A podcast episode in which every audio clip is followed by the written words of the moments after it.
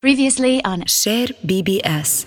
Nemojte da pokušate da nas prevarite time što ćete da ostavite telefone na jednom mestu, pošto smo našli još jedan način da pratimo ko, kako i kuda krši pravila koje je država propisala. U Moskvi masovni nadzor doprinosi borbi protiv koronavirusa. Nova gradska mreža sigurnosnih kamera sa tehnologijom prepoznavanja lica je poslednje oružje. Koristi se kako bi se obezbedilo da hiljade Moskovljana ne prekrše mere karantina nakon što su se vratili iz država koje su žarište COVID-19. Međutim, neki kažu da je tehnologija opasna. Kritičari navode da je sistem korišćen kako bi se pratili učesnici antivladinih protesta u leto 2019. Kremlj navodi da nikoga ne targetira, već da samo održava zakon i red. Predsednik Rusije Vladimir Putin nedavno je demonstrirao kako se tehnologija koristi u cilju sprovođenja mere karantina. Moskovska policija navodi da im je tehnologija omogućila da uhvate 200 ljudi kako krše karantin. Tehnologija se već prodaje u Latinskoj Americi i Kini, a kompanija se nada da će njena primjena protiv koronavirusa privući i druge kupce. Ako neko napusti stan, mi dobijamo obaveštenje putem SMS-a i zovemo policiju. Ona može da ih nađe. Na Tajvanu su ljudi pod nadzorom. Provajderi mobilne mreže su omogućili vlastima da prate ljude preko mobilnih telefona. Kina takođe upotrebljava poslednju tehnologiju za nadzor u borbi protiv COVID-19. Na mnogim mestima koristi se novi softver na mobilnim telefonima koji određuje da li ljudi treba da budu stavljeni u karantin i da li im treba dozvoliti da posećuju javna mesta. Softver je obavezan, postoje tri koda sa tri različite boje. Svaka označava nivo rizika za prenošenje zaraze. Crvena i žuta boja označavaju restrikcije slobode kretanja. Zelena boja znači da ste čisti. Sistem se već koristi u 200 gradova i razvija se širom zemlje. New York Times analizom softverskog koda zapazio je da je sistem programiran i više od toga tako da u realnom vremenu može da ukaže da li neko predstavlja rizik od zaraze. Takođe se čini da u svim slučajevima razmenjuje informacije sa policijom, postavljajući obrazac za nove oblike automatizovane socijalne kontrole, koje bi mogle da traju dugo nakon što epidemija prestane.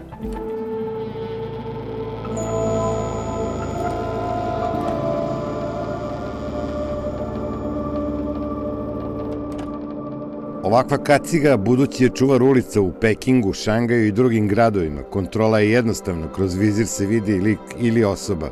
Iako je bolesna, automatski se izdvaja iz grupe. Njegova boja je crvena u odnosu na ostale koji su zdravi i imaju normalnu temperaturu. Vidi se njegova temperatura.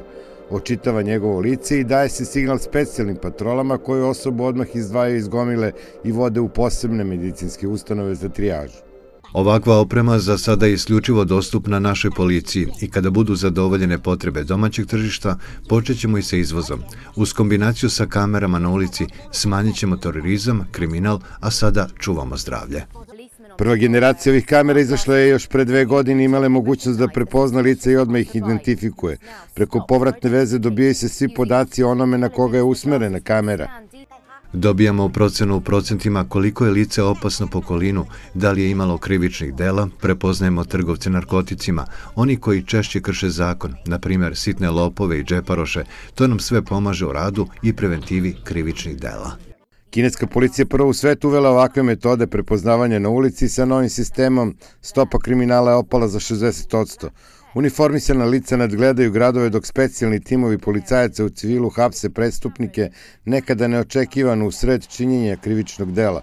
Uvođenje ovog sistema koštalo je milijarde dolara, ali će se više struko isplatiti, a neće se ugroziti privatnost osoba, kažu kinezi. E, kad smo kod te priče e, o, o nadzoru, vidimo da je e, naš predsednik u više navrata pomenuo kineskog predsednika kao brata Sija koji e, tu izgleda služi kao neka vrsta uzora, kao maltene kao veliki brat Si. Šta nam govori zapravo ta pomama za potpunim nadzorom i ta potreba da se građanima naglasi da postoji mogućnost da se oni prate preko mobilnih, kako se kreću, kuda nas to vodi? ne treba pričati o koroni kao bezbednostnom problemu, već kao problemu upravljanja. Ne treba strašiti ljude, već im se obraćati kao odraslim ljudima. I ako pričamo kao bezbednostnom problemu i koristimo pre svega bezbednostne institucije, onda normalizujemo upotrebu uh, najjačeg oružja uh, na raspolaganju kao što su prismotra, uskraćivanje slobode kretanja, uskraćivanje slobode govora, koji su rezervisani za situacije pitanja opstanka nacije i ratnog stanja, što ovo još uvek nije i ne, ovaj, ne treba dozvoliti ni da postane. Ali tako je lepo kad možeš da nadlećeš glavni grad helikopterom i da odasivaš iz reflektora e, puste ulice.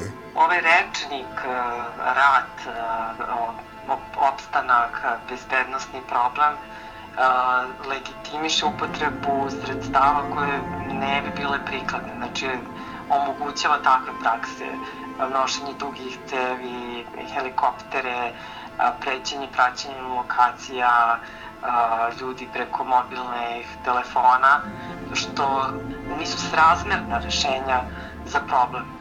No, tako da mislim da je ovde simbolički se zastrašuje narod umesto, kažem, da se objasni ispoštovanjem razgovara. E, kakav će e, zapravo biti taj izmenjeni kontekst posle korone? Koji su sad tu najveći rizici i šta tu e, civilno društvo i oni koji e, žele da preduprede te rizike mogu da učine? Je važno da krenemo da pričamo o svetu posle korone. Izvesno je da će se mnogi stvari promeniti i mislim da ovaj termin nove normalnosti uh, jeste nešto o čemu treba da razgovaramo. U oblasti bezbednosti uh, ima onih koji su optimisti, oni koji su pesimisti. Pesimisti uh, se plaše upravo te normalizacije uh, prismotre, dakle zalaženje u našu privatnost, uvođenje tih uh, imunoloških pasoša, uh, dakle da vas neko tera da recimo da bi se dobili posao prihvatite da nosite obuću koja meri temperaturu, uh, da bi se znalo da li ste ovaj, zaraženi ili ne, da prihvatate te vrste kontrola na ulazku u javne zgrade i tako dalje.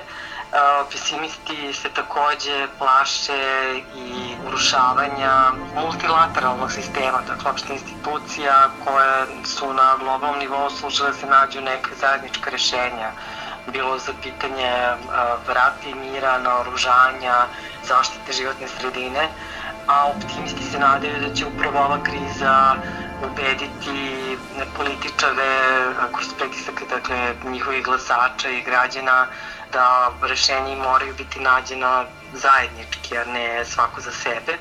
I ono čemu se nadaju optimisti je da će ova kriza ukazati da pretarano ulaganje u oružje, institucije bezbednosti zapravo na štetu zdravstva, socijalnih sistema koji su mogli donekle da su bili bolje ove, spremni možda i ranije da odgovore ili adekvatnije da odgovore ili da budu spremni za buduće ovakve krize. Dakle, u svakom slučaju živit ćemo u drugačijem svetu, a sad vidjet ćemo da li će se ova optimistična ili pesimistična verzija ostvariti. Svakako će naše bivstovanje u, u virtualnom prostoru i internetu imati veliki značaj, a na civilnom društvu je da brani i privatnost i srazmernost uh, odgovora i to da koje god mere se usvajaju treba da budu javno saopštene, objašnjene i da se zna ko ih kontroliše, što trenutno u Srbiji nije slučaj čak ni parlament ne radi i osim civilnog društva i novinara, naravno medija, nemamo demokratski nadzor nad ponašanjem uh, i odlukama vlade.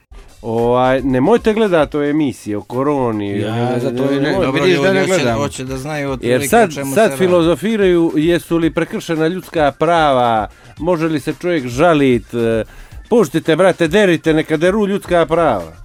Možemo li jednom da, da. dva mjeseca bombardovali su nas, bili su ratovi, svašta se činjelo. Koja crna ljudska prava? Isti partija vlada 30 godina, e, ljudi rade ka robovi u nekakve firme, raspada se privreda. Koja ljudska prava? O čemu pričate? Treba Sad smo za... naše da testiramo ljudska prava kad treba se izliječiti. Ajde, jadni, pa borite se za ljudska prava kad prođe ovo, a sad ćedite kući. Pa tada će se i boriti, sad mogu samo da pričam. Ajde, crnogorci se moraju pomamiti, sad smo mi borci za ljudska prava. Mi smo mlada, krhka demokratija. Ajde, I još se učimo i treniramo. Neka ješu.